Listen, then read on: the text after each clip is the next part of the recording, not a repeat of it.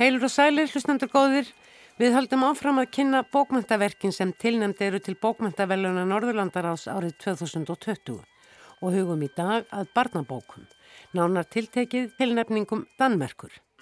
Svo skemmtilega vil til að önnur bókin sem Danir tilnefna er eftir skáldkonuna Merete Prus Helle sem oftar en einu sinni hefur verið tilnæmt til bókmæntaveluna Norðurlandarás fyrir bækur ætlaðar fullornum meðal annars árið 2017 fyrir skáldsöguna Folkets skönhið sem kom út í þýðingu Magneu Mattíastóttur með titlinum Það sem að baki býr ári síðar í kjálfar þess að Merete Pryshelle var gestur alþjóðlegarar bókmyndaháttíðar í Reykjavík. Nú hefur Merete hins vegar skrifað aðtiklingsverða barnabók Mín Ójestein, augasteinnin minn. Meira um báðar bækurna sem Danir tilnefna til barna og ólingabókmentaveluna Norðurlandarás undir lokþáttar. Það verður líka glukkað í þá bók sem kannski margir eru þegar farnir að sökva sér ofan í. En það var mögnuð upp mikil spenna í kringum það að 1. september árið 2020 er því nýri bók eftir einn dölarfulla höfund Elenu Ferrante dreift samtímis í 27 löndum og einnig á Íslandi. Lega líf fullorðina heitir þessi nýja skáltsaga Elenu og er hér á dagskrá eftir korter því fyrst er það ný rött í íslensku bókmyndalífi. Halla Þorlaug Óskarstóttir hleraði þessa nýju rött.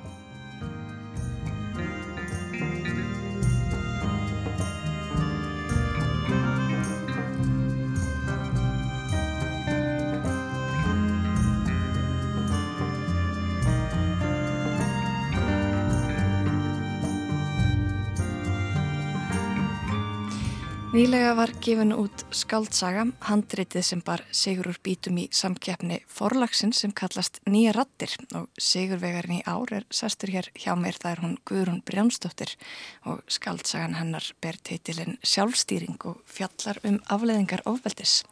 Velkomin og til hamingi Guðrún. Takk fyrir. Þú sagði mér að hann var í smá spennu falli. Já, þetta er búið að vera kannski svona svolítið laung meðganga, er þetta að segja það?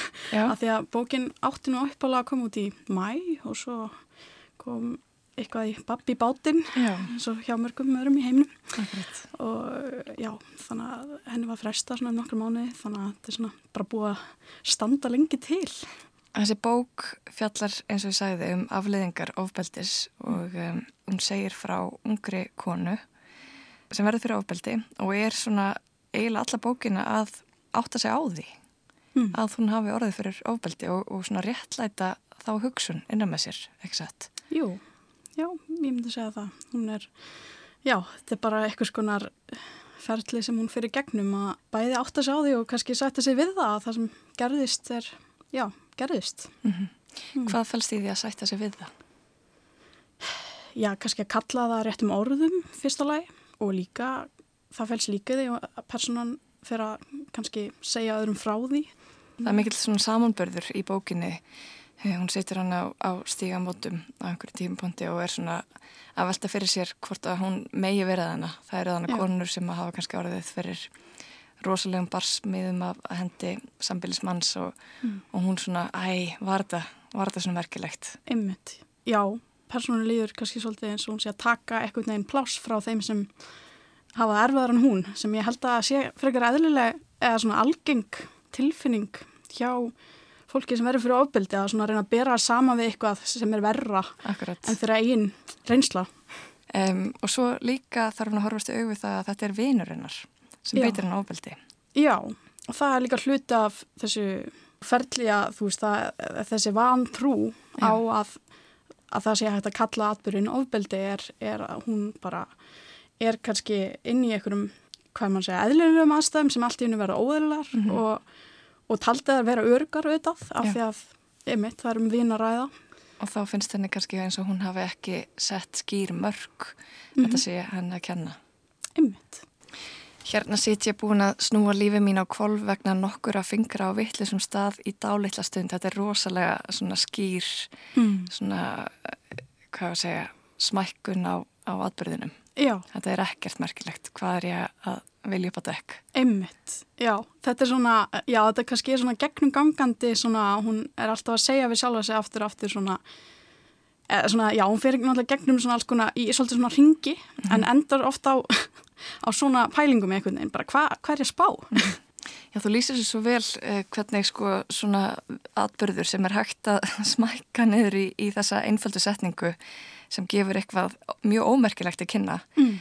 Eh, þetta er náttúrulega traumatíst fyrir hana mm -hmm. og það, það sem er svo skýrt í sögunni þinni sjálfstýring er að hún losnar ekki undan þessu. Mm -hmm. Hún verður að horfast auðveit, hún verður að orða þetta Já. og hún verður að takast á við þetta.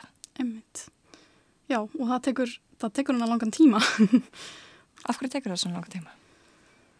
Þú veist, þetta er náttúrulega líka lýsing á áfallastrætur öskun og það er svo mikil vantrú bara í henni sjálfri og svona líka bara þessi þú veist, að ætla síðan að fara að horfast auðvitað þessa sorg að það hafi, já, hent hana mm -hmm. og, og, og hana langar svolítið mikið bara að halda áfram að gera það sem hún er að gera, hún er að gera fullt af hlutum Einmitt, er að gera stóra er að fara í stórt indíkupróf, bara gengur rosa vel mm -hmm. Þannig að það væri auðvildra fyrir hana að að reyna að kleima því bara mm -hmm. sem gerðist sem er, já. En svo er líka áhugavert í, í um, þessu umhverfi sem hún lifur og hærist í að, að það er ekki eins og sko fólki í kringum hann að gera lítið úr þessum atbyrðum miklu frekar er það vinkonur og, og svona fjölskyldumælumir sem að segja hei, þetta er alvarlegt já. og það er bara hún sjálf sem er eitthvað einn að gera lítið úr þessu. Já, mér fannst áhugavert að skrifa um þetta sko að ég held að kannski svona eftir þá baróttu sem við höfum háð svona síðustu ár í sambandi við þessum málinni þá er, já, ég veit ekki, svona kannski ytra umhverju orðið miklu svona skilningssökjara mm -hmm. en þetta innra tal sem er á við sjálfa sig er kannski ekki búið breytast með mikið því að þetta er alltaf sama áfallið þó að mm -hmm. sé kannski svona greiðara aðgangur að stuðningi heldur en var fyrir, ég veit ekki ekkert svo mörgum árum. Já, og, já, svo er þetta mitt bara spurningum hvað kynnslóðunar undan hafa gengið í gegnum. Þú kemur að sinna á þetta líka í bókinni þetta með kynnslóðunar og, og hérna mm. hún á þarna ömmu sem er komin á leiknadelt og uh, hún lýsir ömmusunni sem svona stáliti bituri mm -hmm. Hún, er, hún er, verður oft ofsareið og, og mm -hmm. særir fólki kringu sig og það er eins og sögupersonin átti sig á því í þessu áfalli sem hún er að gangi í gegnum að amma hlýtur á að gengi í gegnum eitthvað hræðilegt -hmm. þess vegna varðun eins og hann varð. Ummitt. Og svona tækifærin sem að alpersonin hefur með að við ömmu sína, það er kannski svona, já, já þetta lítið á sem tækifæri að, með að tala opinskátt um ábeldi sem að vera fyrir, þú veist. Já. já. Svona annað landslag. Um, en bókin heitir Sjálfstýring og er vísun þá í þetta ástand sem að sögupersonan í rauninni setur gang eða uh, fer inn í, gengur inn í uh, þegar hún í rauninni neytar að horfast yfir við áfallið mm. og það sem mér fannst líka svolítið merkilegt við þessu sjálfstýringu er hvað henni vagnar vel út af við í sjálfstýringun hún fer í mm. þetta indökupróf og gengur bara glimrandi vel Já.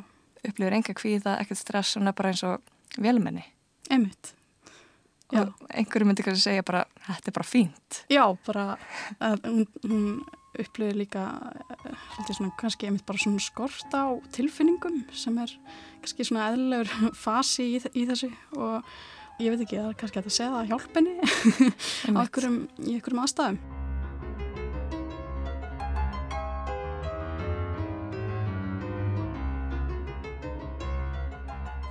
En að þú segir þetta sko, hún fer í sjálfstyrning, hún, hún lokar á tilfinningar og hún var skinnjar alveg e, að þetta er ástand sem getur orðið til þess að manneskja fer bara út af beinubröðinni og bara missi tökinn hefur bara alveg getið gerst í rauninni Já.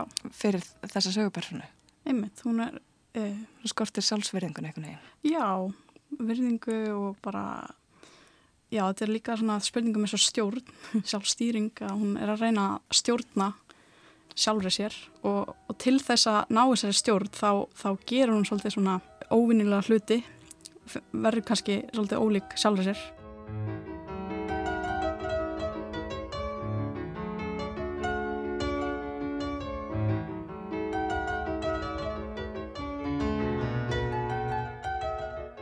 En þú byggir þess að sögu upp, um, ég veit þú þekkir klassiska heiminn sjálf tónlistarheiminn og, Mm. og þú nýtir þá þekkingu í bókinu þú kallar kaplana fúka, til dæmis Mhm. prelúdía Mhm. um, hvað ert að pæla með því getur útskýrt það fyrir okkur sem erum ekki alveg upp í klassiska tónlistarheiminn Já, eins og aðalpersonan þá æfði ég á píano og þá spilaði ég mikið prelutur og fúkur og já, það eru fjóri kaplar í bókinni þeir heita preludía og preludía er bara svona forleikur ég var svolítið að, að velta fyrir mig sko merkingu orðana líka, ekki endilega bara þú veist, tónlistar uppbyggingin heldur bara já, preludía og svo kemur fúka sem er flótti.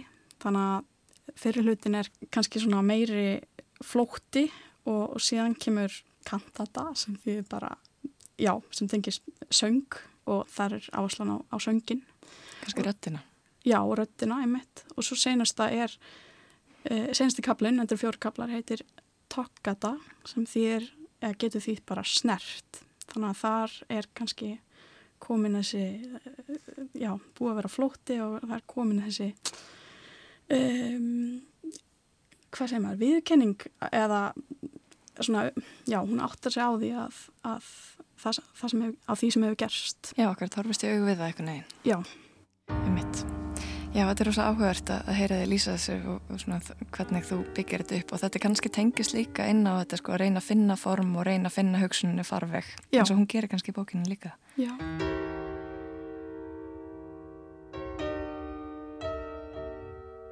Það myndumst aðeins á ömmuna og, og svona þessa kynnslóða skipti og mismunandi heima. Um, MeToo-hreyfingin er þarna í gangi þegar þessi Mhm. bók á að eiga sér stað og þar var alltaf mikið talað um að skila skömminni og það er Mhm. kannski eitthvað sem að, að sögupersonan reynir að gera og það er hana svona atriði í, í söguþræðinum þannig að maður velti fyrir sig hvort að henni hafa tekist það. Hver er þín upplifun á, á því?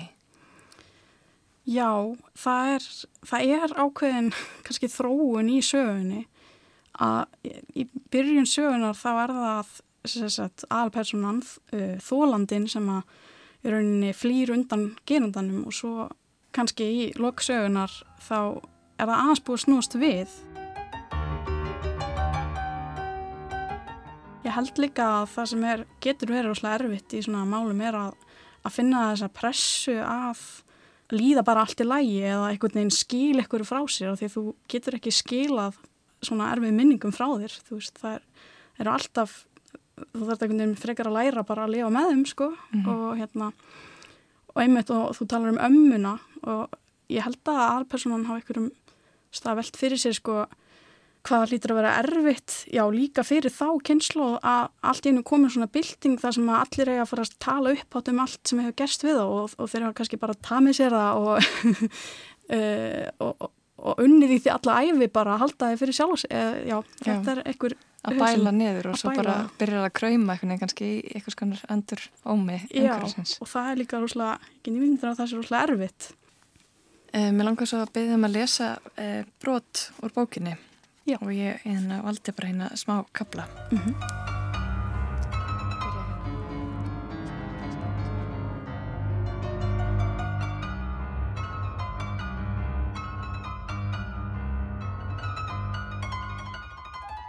Þarna á rúmbrygginni satt tinna og let eins og ekkert óvinnilegt hefði komið fyrir. Undanfarið hefur mér drengt að ég sé í kaffibóði heima hjá ömmu minni og kölski siti í sófanum og gæði sér á rjómatertu sem amma var að baka. En amma tekur ekki eftir honum, heldur bara áfram að steikja pönnukökur inn í eldúsi. Ég byrði hann að fara út en hann situr sem fastast. Hann er samt ekki dónalegur, hann vill bara ekki færa sig úr sófanum. Kanski getur hann það ekki. Ég held að ég sé að missa vitið. Ég held að ég sé búin að missa af heilli jarðaför. Heilum dauða, heilli mannesku. Það eru svona áþreifanlegar hugsanir sem hjálpa mér að gráta. Þessa dagana líður mér best þegar ég græt. Ef ég missi dampin og ég næ ekki að gráta meir, þá hugsa ég bara. Þú mistir á tækifærinu til að kveðja ömmu þína og hún kemur aldrei aftur. Og þá flæðir aðeins meiri vögvi út úr mér. Þetta er dálítið eins og að vera óglatt en geta ekki guppað og stinga tveimur fingrum niður kokið. eða hugsa um bragðið af súsaðri sviðasultu eða myndir sem þar hefur séð í frettaskýringaþætti af gillinæð.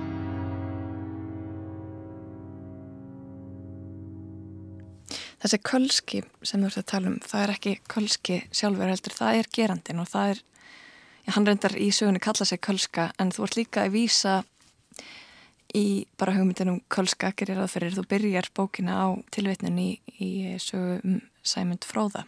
Getur þú sagt okkur aðeins frá þessari pælingu?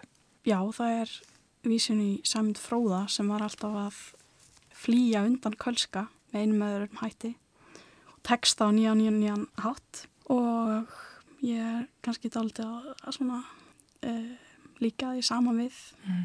þetta samband samband millir þólanda og geranda. Þólandin alltaf að reyna að losna við hann. Já, akkurat. Og, og Sæmundur Fróður náttúrulega hann er text alltaf með klækjum. Hann er, hann er klárar enn Kolski Já, hann er hetjan. Hann er hetjan, akkurat. Og hérna, eh, en það er svo fallegt í, í þessum ingangsorðum þá fjallar um skuggan og að, að um, Kölski hafi náð skugga sæmyndar Já. og upp frá því var hann skuggalaus Já. og sko maður skilur þetta sem í rauninni kannski í, í samvikið sögunar þá kannski skilur maður þetta sem sko e, af því að skuggi er ofta eitthvað sem er slæmt þá skilur maður þetta samt einhvern veginn eins og það sem verður að tala um sálina eða eitthvað gott Kölski náði einhverju hluta af sæmyndi mm. og hjælt honum alltaf einhverju leiti Já, það er annar hluti af þessu eða svona pælingin með þessu er, er svona þetta að uh, Kölski nær er að taka eitthvað frá aðalpersonunni eins og, eins og frá sæmyndi hann er einhverju taki á personunni já um, en aðeins um, um þetta verkefni nýja rattir, hvernig já. virkar þetta? Þú sendir henn handrið tvextur eitstjórn eða hvert að framhaldi svo þegar að handrið þitt bara segur á bítum? Já, ég, ég sendi handriðið inn í desember og fekk að vita það í lók januar að ég hefði sér að keppnina og Svo fekk ég reittstjórn og reittstjórn minn heitir Sýriður Ásta Árnandóttir. Það var mjög svona, farsælt ferli og við vorum held ég búinar að senda allt á milli svona sennilega í mars og já þannig að þetta var, þetta gekk allt mjög vel fyrir sig og svo náttúrulega bara kom smá byggtími. Og gerðist mikið í reittstjórninni? Fannst þér sagan svona, breytist hún eitthvað? Já, mér fannst hún bara hafa svo góðan skilning, hún Sýriður, á sögunni að það eitthvað nefn skilaði sér í vinnunni að mér varst hún svona trú bæði sögunu og alpersonu og svona drókarski svolítið fram svona atrið sem að sem að vera þetta, já, þetta styrkja söguna enn meir sko, þannig að frábært já. En þetta er ekki fyrsta bókinn sem það gefur út? Nei Þetta er hvað þriðja? Einn þýðing og einn lögabók? Já, já Hvað, hvað hefur þú verið að gera áður? Uh, ég hef verið í svona sjálfsútgáðu, ef svo maður segja, með uh, vinkonum minni Elinu Ettu Þorstensdóttur við sagt, eða, hún eiginlega gaf út ljóðabókina mína Skollaeiru ár 2017 og hún er grafískur hönnur og reynda líka ljóðskald og ríthöndur og hún eh, sagt, hannaði bókina þá og, og hérna. Já og gerði rauninni allt allt þetta praktíska, bara alveg einu, einu sjálf, þannig að það hérna, var rosalega svona skemmtilegt. Það var allt, allt öðru sem þetta ferli, þú veist yeah. það var bara alveg svona að maður þurfti að pæla í svo mörgum lutum sko Já, Já. Skallæri, þú er greinlega mikið að hugsa um, um kölska Já, hann verður stöður mér hugleikin En sjálfstýring er komin út og fæst um, í betri bókaverslunum og á netinu kyrjaðu þeirrir. Guðrum Brjónstóttur, kæra þakki fyrir komuna og til hamingu með þessa velhafniði bók. Já, takk alveg fyrir. Takk fyrir mig.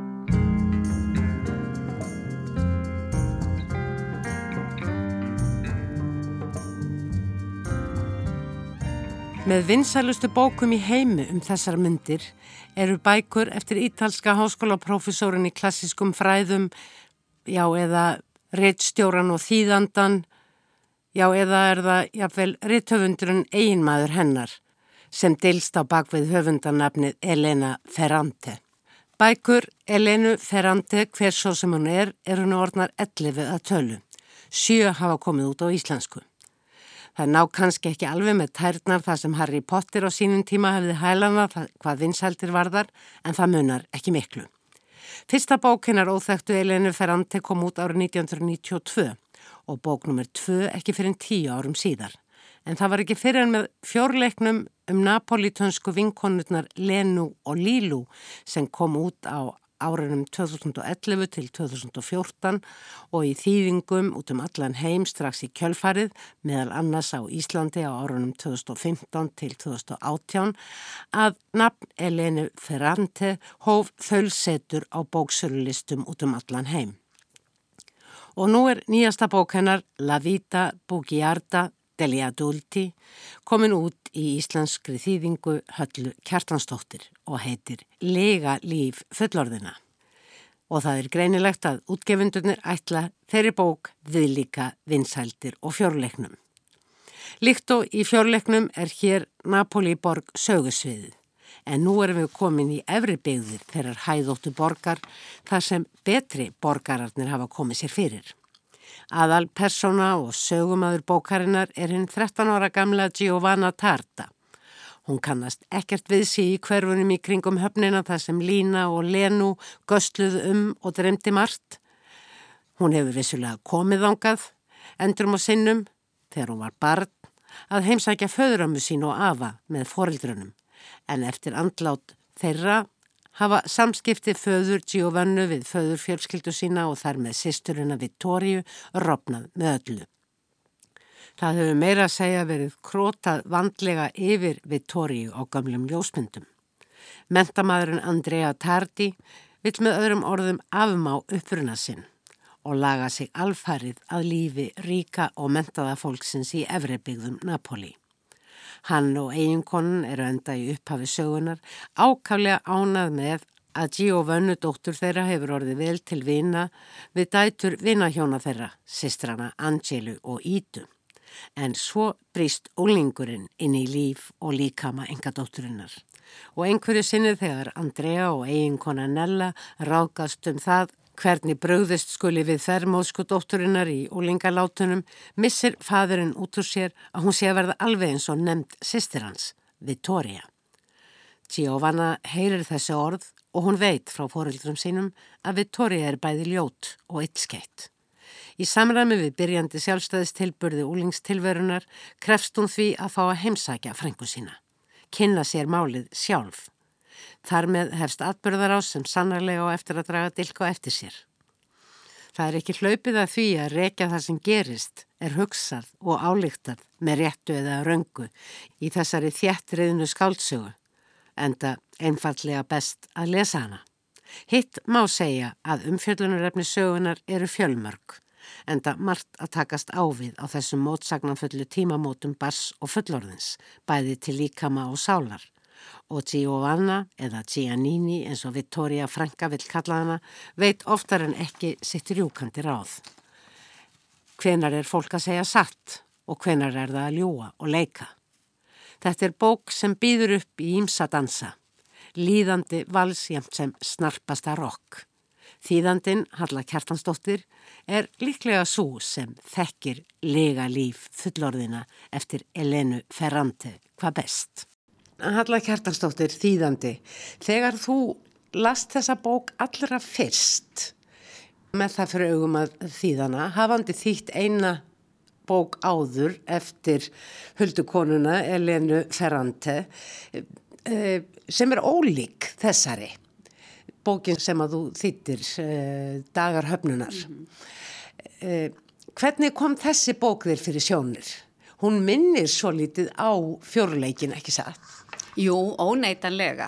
Þetta eru þetta saga af uh, vinkonum líka og þroskasaga stúlku mm. og fyrst sló mig, ég hugsaði, er ég að lesa unglingasögu? Hún er með unga 14-15 ára stelpu sem svona sögumann en svo kemur auðvitað ljósa sagan er í endurliti, þetta, mm. eru, þetta er upprifjun á æsku uppvexti og það kemur fram svona inn á milli að, að sögumæður er komin talsett langt frá atbyrðunum sem hann lýsir. Þannig að þetta endurlit er svona, er þroskað auga mm. og þroskuð frásögn í endurlitinu. En hún er gjör ólík dögum höfnunar þó að auðvitað séu senur þar sem að hún er þar, fer með lesandan alveg inn í þessa þráhyggju, hún er á þessu tilfinningasviði líka og, og fer mjög djúft inn í sálarlífið hjá personunni, sérstaklega þeirri sem segir frá, sjónarhornið er vissulega takmarkað, mm. þetta er fyrstu personu frásögn, takmarkað við Giovannu sem að e, missir svona fótfestuna í lífinu þegar, þegar hennar sjálfsmynd hrinur. Eða tekur að breytast í rauninni, þetta markast jú af e, kynþróskanum. Já, þess vegna finnst mér sagan, hún hefur tákrænamerkingu og hún er full af leiðarstefum og æventýraminnum. Mm. Þannig að þetta er svona tákræn þróskasaga, stúlku Og allar þessar umbreytingar sem hún gengur í gegnum eru náttúrulega bæði tilfinningarlegar og líkamlegar en byrtingaformin er á mörgun, marganhátt tákgræn. Hún er að kljástu foreldra sína, mm. föðurmyndina, hún þarf að slíta sér lausa og hún þarf að kanna nýja slóðir og allt er þetta í eitthvað skona góðsagna kendum ramma, finnst mér. Ég held að það sé rétt hjá þér þó að maður þurfi ugglaust uh, að gömgæfa textan nákvæmar heldur en kannski að minnst kosti ég hef haft tök á til þess að átta sig á öllum þeim mögulegu vísunum. En það sem að vakti aðteglímina þegar ég tók bókinni hendi að hún er ekkert svo stór en hún er ósegjanlega þjætt í frásögninni og hún uh, hefur þann ótrúlega ég veit ekki hvað ég á að kalla það kost eða, eða þennan sjálfgæfa eiginleika að þó hún sé mjög flókin margar personur mikið um öfgar að þá er hún undarlegt nokk aldrei rugglingsleg. Ég man ekki eftir að hafa fundist ég þurfa að fletta aftur eða til að átta mig á þessu eða hinnu. Hún er einhvern veginn ótrúlega skýr í þessari yðandi kös að mér líku við að segja sem mannlífið í þessari bók er. Þetta skiptast á kaplar í eh, henni yðandi Napoli og í útkverfi sömuborgar sem er eiginlega önnur borg. En svo er líka þessi þversögn uh, sko íhyggli uh, og íhugun um uh, þessa hluti, þroskan, sambandi við foreldra, samband kynnslóða, sambandinnan fjölskyldu, uh, stjætt, mentun, það er svo margt sem er tekið fyrir en ekki síst öfgar og ofsi og það hvað manneskjan getur í rauninu orðið, já, anstíkileg. Já, og sko skurðpunkturinn er auðvitað þessi unga stelpa sem er að uppgöta lífið. Og hún lætur allar þessar öfgar og allan þennan umsnúning einhvern veginn bæði í sko umhverfennar og í personunum sem hún er að kynnast smám saman betur og betur. Hún gerir sér mynd af fólki sem síðan reynist önnur en, en hún held mm. og svo framvegis. Sko vitundu verksins, þetta gerist í svona vitundar streymi stúlkunar. Þannig að þetta innra líf hennar er í rauninni í forgrunni allan tíman, mm. hennar hugsanir og hennar tilfinningar en síðan skiptur hún yfir í senur sem eru mjög leikræn mjög, mjög dramatísk, maður sér fyrir sér samtölinn og það nánast eins og sko, hún sviðsetur mm. mjög svona nákvæmlega mm. og það er kannski það sem gerir hana svona læsilega og einfalda því að mm. milli, á milli þessara vitundakabla þar sem stelpan er í rauninni bara að, að með líðan sín alveg á útöpnu, bara opið hjarta og einhvern veginn blæðandi sár og svo koma þessar skýru senur mm. með samtölunum og þá fær lesandin annað sjónarhort. Mm. Við kerðum á lokum hverja gutuna eftir aðra án þess að segja orð. Ég satt við hliðan á Vittoríu, Angela og Íta í óþægilegum aftursætunum. Svo rauð frænka minn þögnina, alveg búr þurru, en beindi það máli sinna vinkonum mínum og spurður hrjúfum og ísmeigilegum rómi. Eru þið ekki heldur skýrðar? Nei, svarða Íta samsundis. Af því að, bætti Angela við, Pappi hefur sagt að ef við viljum nota skýr okkur getum við gert það þegar við verðum eldri. En hvað er degið áður? Vitið þið ekki að þá endið þið í forgarði vítis? Forgarði vítis er ekki til, saði Íta. Og ekki heldur himnaríki, hreinsunareldurinn eða helviti, bætti Angela við. Hver hefur sagt þér það? Pappi? Og hvar lendiði þá, sangant honum? Guðminn góður, hvað um það sem syndga og það sem ekki syndga? Guði hvort þið er ekki til, saði Íta. Og ekki heldur syndin, útskriði Angela. Hefur pappi ykkar sagt ykkur það líka? Já, því líkur dóni. Ekki segja svona ljótt, saði Íta reyðilega. Ég greip inn í svo vittur ég að myndi ekki alveg tapa sér. Syndin er til, er þegar engin kærleikur er eftir, engin ást og búið að eiðilega það sem er fallegt. Heyrðu þið þetta? spurði Vittoria. Giannina skilur hlutina en þið ekki. Það er ekki satt, ég skil þetta alveg, saði Íta áhyggjufull. Syndin er það sama og eftirsjá. Við segjum þvílik synd þegar við missum eitthvað í gólfið sem er okkur mikil svirði og það brotnar. Hún beði eftir rósi sem ekki kom. Frænka mín saði aðeins eftirsjá, höh. Og mér fann sem henni væri misbúðið að heyra þetta orð úr munni vinkonu minnar sem var svona miklu yngri en þó svona eldklár af því hún drakk í sig merkilar bækur og mér fannst þetta gott hjá henni. Þess vegna sagði ég þvílik synd einu sinni eða tvísvar, svo Vittóri að heyrði þetta vel. Þvílik synd, þvílik synd. Um leið ógs kvíði minn aðeins að ég geti skýrt hvers vegna. Kanski var ég að hugsa um hvað öll mín tilvera væri orðin brotætt, með þau hvernig allt hafði verið áður en ég heyrði pappa segja þessi ljótu orðum mig. Kanski vegna þess að ég var byrjuð á blæðingum, brjóstinn farin að tútna út og hvaðina. Hvað um það? Ég hafði blásu upp þessi særandi orð, farið að leggja mikla merkingu í þessa frængu mína. Ó að ég geti aftur orðið lítil stelpa, svona 6, 7, kannski 8 ára eða jafnvel yngri og þýrt ekki að hugsa um öklana á Mariano og mömmu eða vera först í þessum hræðilega bílskrjóði sem var alltaf við það að rekast á næsta bíl eða þeitast út af veginum. Þurfi ekki að eiga á dauða mínum von á hverju andartæki. Óttast að slasast alvarlega missa handleg eða fótleg eða verða blind þar sem eftir væri lífs. Hvert eru við eiginlega að fara, spurði ég og vissi að það væri dónarskapur að spyrja svona. Ég var búin að spyrja einu svona áður og Vittori hafði undi upp á sig og sagt, láttu mig um að rata. En núna var eins og hún svaraði með glöðu geði. Leit ekki á mig, heldur í baksinni speilin á Angelu og Ítu og sagði, í kirkuna.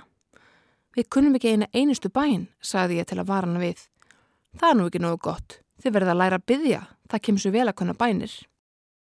Og stóri kannski líka þessi speil er þessi Vittoria Frænka. Hún er lendadómurinn, hún er svona skugginn, svona sálfræðilegi skugginn, hín hliðin á öllu saman mm. sem að stelpan verður nöðsynlega að spekla sig í og komast í bossi til þess að fullordnast. Og alltaf í rauninni tvöfælt, hún er svona einhvers konar Janusar höfuð. Já, hún er nefnilega mjög og, og, og lesandi næri einhvern veginn ekki alveg utanum þá konu og, og hún er nýji hvert sinn sem stelpan hittir hana og svo fer maður að hugsa að Vittoria Frænka er náttúrulega í okkur öllum, hún er þarna mm. á sveimi mjög víða í personunum. En þó að vitundar miðja bókarinnar eða vitund bókarinnar, sögunar, söguvitundin sé svona stert þessi stúlka að þá er hún kannski í, í krafti æsku sinnar og, og þess hvað hún er opinn nánast eins og svampur tilbúin til þess að soga allt í sig.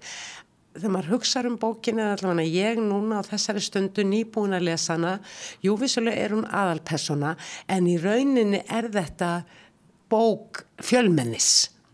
Margra, margra persóna. Og það sem að vekur aðtegli mína líka svona eftir á það higgja er að ég horfi á þessar personur en ég, ég, ég, ég samsama mig í rauninni engri þeirra fram yfir aðra.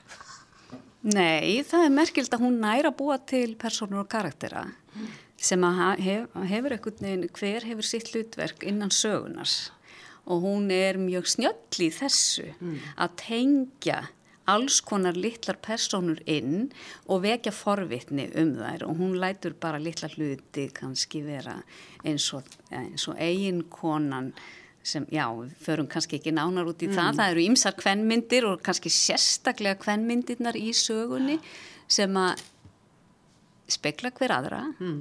er á mismunandi stað, eiga mjög margt sameigilegt samt. Mm. og kallarnir líka, þeir eru reyndar, já, hvað ég segja, þeir eru svolítið hérna ofsafengnir, jafnvel uh, ofbeldisfullir og eins og það sé svona, já, svona eru þeir bara. Já, það má náttúrulega segja að þetta er, þetta er Napoli og borgir Napoli byrti svolítið í karakterunum, finnst mér. Það er þessi undirliggjandi, undirliggjandi ofsi, undirliggjandi kúun, undirliggjandi svona hérna stjætskipting og, og, og, og bæling og svo brjótast tilfinningarnar fram í, á undarlegustu tímum og stöðum en Það sem við tökum kannski eftir Íslandingar er þessi að mítanum kallmannin er svo sterk, hann er á stalli, hann er enn á stallinum. Hann ræður. Já, þetta er auðvitað þjóðfélag sem er alveg gegnsýrt af, af hérna dyrkun á feðraveldinu. Það er, Ítalir eiga enn mjög langt í land í þessari kvennfrelsis baráttu og það likur bæði í kathúskunni og náttúrulega bara í mótun samfélagsins. Þannig að þetta er eitthvað sem við erum auðvitað að berjast við ennþá en kannski á annan hátt. Mm. Þarna er þetta mjög skýrar línur í sögunni, staða Karlmannsins er önnur. Þrátt fyrir það að þarna séu konur og sérstaklega unga stúlkani er að brjótast út úr gömlu hefðinni, mm. gamla hefðbundna kvennlutverkinu. Hún ætla sér að menta sig og svo framvegis og verða sjálfstæð í lífinu. Mér finnst uh, byrtast mjög vel í þessari bók það sem að Elena Ferrandi hefur sagt í tölvupost viðtali sem að byrtist við hana í fjölmörgum blöðum núna á síðustu dögum bara, fyrir, fyrir viku eða tíu dögum, að þá talar, er hún spurð út í mikilvægi þess að brjótast út úr uppbruna sínum. Hún tekur undir það en undistrekar jáfnframt mikilvægi þess að snúa aftur, að missa ekki uppbrunan, heldur fara út og sækja sér eitthvað og koma aftur. Mm -hmm. uh, mér fannst það uh, daldið merkilegt, uh, hún, hún, hún dyrkar Napoli öðrum þræði en gerir sér líka grein fyrir hvað Napoli eða sko, sá kultúr, svo menning sem að þar hefur þrifist hversu eh, skarli hún er. Já, ég, sko, hún er náttúrulega með Napoli og svo er hún með Milano og einn personan fer þanga og það er mjög skýra línur þar á milli að Milano er eitthvað annað mm. og sá sem fer þangað hann er farin fyrir fullt og allt af því að það getur ekki verið neitt að sækja aftur til Napoli eftir að hafa upplifað Milano. Mm. Það er ekkert að sækja í kási þegar uh, Kronos Milano hefur tekið yfir höndina. Nei, þá má kannski leggja það upp þannig. Við Íslandingar erum náttúrulega þessi litla eigi og við eigum landsbyggðina, við getum alveg speklað borgina og, og landsbyggðina líka í, í þessu að fara sækja sér mentun, fara til borgarinnar og koma síðan aftur í þorpið eða sveitina. Og bara almennt Íslandinga sem að sækja sér mentun til útlanda eins og við höfum gert og, og komið síðan aftur. Já. Það er þessi dýnamik. Já, já, og svo er þetta alltaf bara klassíst bókmyndaminni að yfirgefa heimaslóðir, yfirgefa æskuslóðirnar mm. og koma aftur. Drengurinn sem fór út í heim til að læra hræðast. Já, og hver kemur síðan tilbaka er mm. það annar en, en sá sem fór og svo framvegist. Var erfiðar að þýða þessa bók heldur en til dæmis daga höfnunar? Eh, Málískan er þarna mjög sterkir í ráðfyrir í ítalska frumtekstanum? Já, nei, það ekki alveg. Mér fannst dagar höfnun að reyna meira svona tilfinningarlega. En það er kannski að því að, að, að þar tók ég eiginlega personuna alveg inn á mig mm. á meðan ég var með henni mm. í, í þessu, þessum teksta. E, þessi saga, hún er, hún, mér fannst hún meiri skemmtisaga, það er meiri svona, e, það er, það, húmórin er einhvern veginn undirliggjandi líka mm. af, því að, af því að söguþráðurinn verður stundum svo e, fullkomlega, þetta er svona skoplegt að, já. Absúrt eiginlega bara hvernig ákvarðanir eru teknar og koma manni sem lesanda gjörsamlega í opna sköldu, alls ekki röglegar. Nei, og það verður algjörlega súræðilist og það verður mjög hlægilegt þó að stelpunni sé fulla alvara með gjörðum sínum og, og, og orðum mm. og öllum personunum að þá er lesandir meira svona hlýðalínunni og skemmti sér út í sál eins og áhörfandi horfa góða leiksýningu. Þú uh, talaður um það í upphafið að þegar þú byrjaður að lesa þessa bók uh, að þá hefur þú hugsað hvað er þetta úlingabók? Ég held að úlingar hefðu mjög gott að því að lesa þessa bók og gætu ég að vil skemmt sér daldið í þeirri speiklun sem, uh, sem að þar getur átt sér starf. Já, það er okkur að það, ég held hún spanni nefnilega mjög breytt aldurspill og ef það er rétt sem sagt er að höfundur, hver sem hann er, sé áttræðisaldri, fættur eitthvað tíman í kringum 1940 mm. Og skrifar um þessa 14 ára stelpu, sögu sem er tímalauðs að mörguleiti, þó hún gerist í Napoli og við getum dreyið frá alls konar hluti sem við konumst ekki við í nútímanum, að þá er þarna tímalauðs klassík á ferð að mínu mati.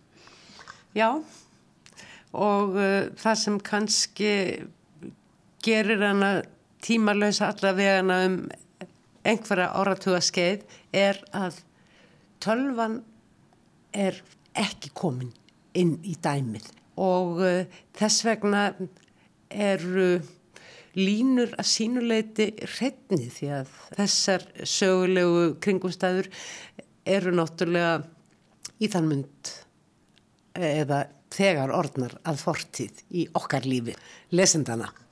Já, sannarlega, en unglingar dagsins, ef einhver er með stöðugt speil á lofti að skoða sjálfsmyndina eða ímynd sína og sjálfhverfir unglingar stöðugt að spekla sig hvori öðrum mm. eða samfélagsmiðlunum að það er bara annars konar speil sem er brúðið á loft en mm. við erum stödd í raun og veru tilfinningarlega í sömu aðstæðum.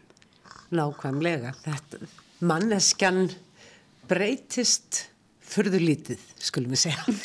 Já, í grunninn. Það er, það er umgjörðin mm. sem breytist. Halla Kjartansdóttir, kæra þakkir fyrir legalíf fullorðina sem að maður gæti ætlað að fjallaðum það um stúrka kemist að raunum að foreldrarinnar hefðu logið að henni til þess að uh, gera henni lífið auðveldar og fjölskyldu lífið almennt. En í raun og veru er þetta lega líf þetta er, þetta er lífið.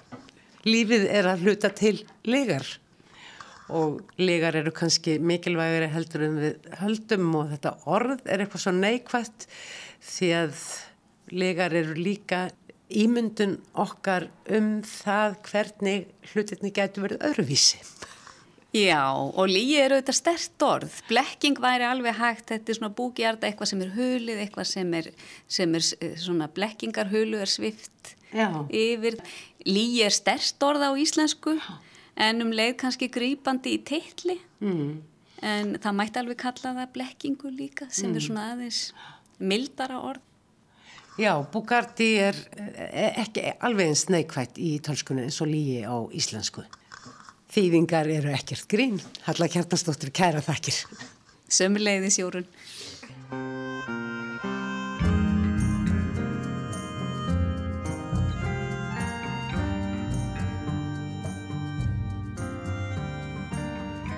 Sagan Mín Ójestegin eftir Merete Prus Helle önnur bókana sem Danir tilnefna til barna og úlinga bókmæntavellunar Norðurlandar ás er með undur fárum myndum eftir Helle Víbeke Jensen.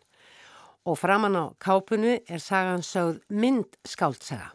Aftan á kápunni segir síðan að hér sé á ferð falleg og hugvitsamleg frásögn í orðum og myndum um hið stóra og hið smáa í lífinu. Þessi orð má til sannsvegar færa, sagan snýst um það hverjum er um að kenna, hver á sökina. Það er svo minsta þryggja sistra sem segir söguna, það kemur reyndar ekki fram hvað hún er gömul og skiptir kannski heldur ekki máli. Það sem máli skiptir er að miðsistirinn er með glerauga. Sistir mín er með glerauga. Hún skiptir því stöðut út fyrir litur gleraugans passar ekki við hitt. Litirnir í lifandi auganu eru ímist gulbrúnir, kaffibrúnir, tígrisaugabrúnir, músabrúnir, kúkabrúnir. Mamma segir að ástæðan sé svo að litir þess sem er lifandi breytist í sífellu. Það sé aldrei hægt að halda fast í nokkurt skapaðan hlut. Pappi segir að það sé ekki mín sök að sýsti mín sem er gleruga.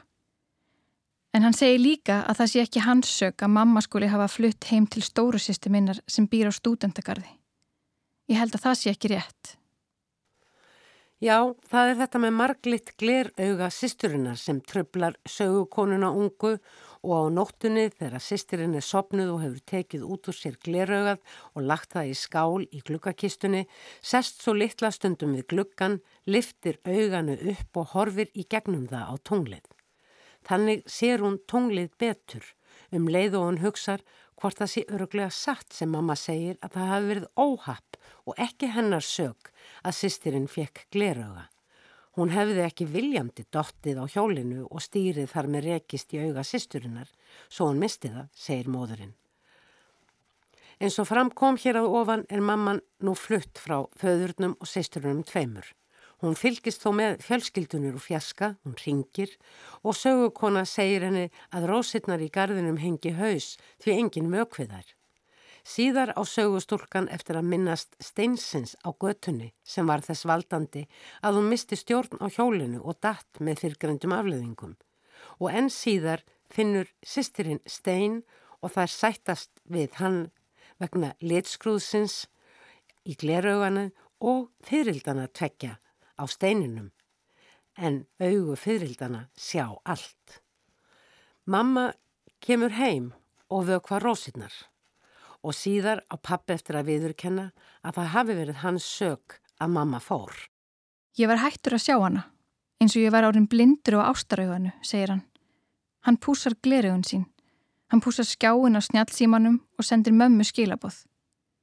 Sistir mín sínir honum hvernig á að setja hjarta í skilabóðin. Teksti þessarar floknu sögu er einfaldur og myndirnar, eins og áður sagði, dásamlega fallegar. Hlutbundnar og óhlutbundnar í senn fullar af augum, tonglum og blómum sem feila í sér allskins myndir, ljósbrott og liti. Það er nefnilega þannig að ástinn er litur og sálitur er ekki einn og endanlegur. Myndhöfundurinn Helli Vípiki Jensen lærði fatahönnun við Danska hönnunaskólan í Kaupmannöfn og eftir að hafa unnið sem fatahönnur í tíu ár, tók hún að einbeta sér að því að tekna, klippa og líma eins og hún sjálf orðar eftirlætis yðju sína og hefur unnið til margra alþjóðleira verluna fyrir bókaskreitingar sínar og reyðmyndir. Mynd skáltsagan Mín Ógistegin eftir Merete Prys Hellið með myndum eftir Helli Víbyggi Jensen er framúrskarandi barnabók sem gaman væri að skoða með íslenskum texta.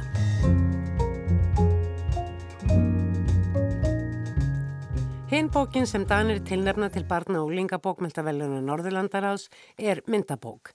Það er, myndirnar er í raun mikilvægari þáttur í miðlun innihaldsbókarinnar úði dibló sem ætti þýða allt í einu heldur en tekstin. Heldar teksti bókarana myndi enda rúmast á innan við þremur blaðsíðum en bókin er tæplega hundra blaðsíður. Hægra megin og hverri opnu er heilsíðumynd, svart, hvít, teikning reyndan með svo litið brúnu og bláu líka en afar ljósum litum og með því bara að fylgja eftir myndunum er sagan sögð. Myndirna sína dreng, hann býr einn í óskupvennilegu húsi.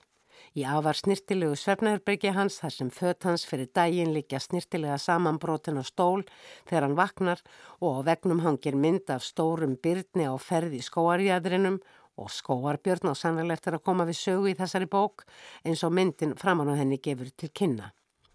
En þar stendur stór björn yfir höfðagabli Rúms drengsins þar sem hann likur og sefur.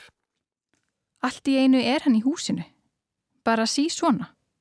Út úr engu. En fyrst var hann ekki í húsinu. En svo byrja sagan úðaði bló á venjulegum degi í lífi drengsins. Hann vaknar, býður umhverfið sínum góðan dag, greiðir sér og klæðir sig. Samnar blómum, flokkar þau og merkir, les bók fyrir framann arineld, spilar á píjano, fær sér síðdeðisteg, sopar gólf og tekur til á skrifborðinu sínu. Allt er einstaklega snirtilegt og skipulagt í húsinu hjá drengnum. Einu félagi hans er kaktus sem stendur á náttborðin hans. Þeir fara gerðan í feluleik og svo fyrir drengurinn að sofa. Morgunin eftir vaknar hann og það er allt á rúi og stúi. Drengurinn tekur til og bakar köku, það róar hann. En svo fer hann út í garð og uppgötar fótspor í blómagarðinum og að einhver hefur borðað nokkur eppli úr eplakörfunni. Drengurinn reynir að átta sig, flettur upp í bókum og kemst að raunum að hér hafi skóarbjörn verið á ferð og byrnir fela sig í hólum. Drengurinn leitar að byrninum og finnur hann. Björnin virðist taka þátt í leiknum og finnur drengin líka sem hefur falið sig og rjómakökuna fínu sem hann gæður sér á. Skyndilega er líf í húsinu. Áður var þar engin nema drengurinn og það var skikk á hlutunum. Nú er allt á haus því þar er komin alvöru skóarbjörn og um kvöldið spangólaðir björnin og drengurinn í tungsljósinu og fara síðan að sofa. Góða nótt kaktus, góða nótt björn, drengurinn liggur ofan á maganum á byrninu. Allt í einu er hann í húsinu. Bara sí svona, út úr engu. En fyrst var hann ekki í húsinu. Höfundar bókarinnar Úðafti bló eru Rebecca Bach-Lauritsen og Anna Margarete Kjegott sem verðast hafa unnið þjætt saman af þessari sögu um sveit og borg, náttúru og manngert umhverfi, reglufestu og óreiðu og mikilvægi samveru. Tekningar og teksti kallast fallega á í ljóðrænu sinni og yfirvegun, ekkert of eða van en fullt að skoða og hugsa um. Falleg bók, full af ró og íhugun. Fleiri verða orðum bækur ekki að þessu sinni. Tæknimaður var Úlfildur Eisteinsdóttir. Takk fyrir að hlusta. Verði sæl.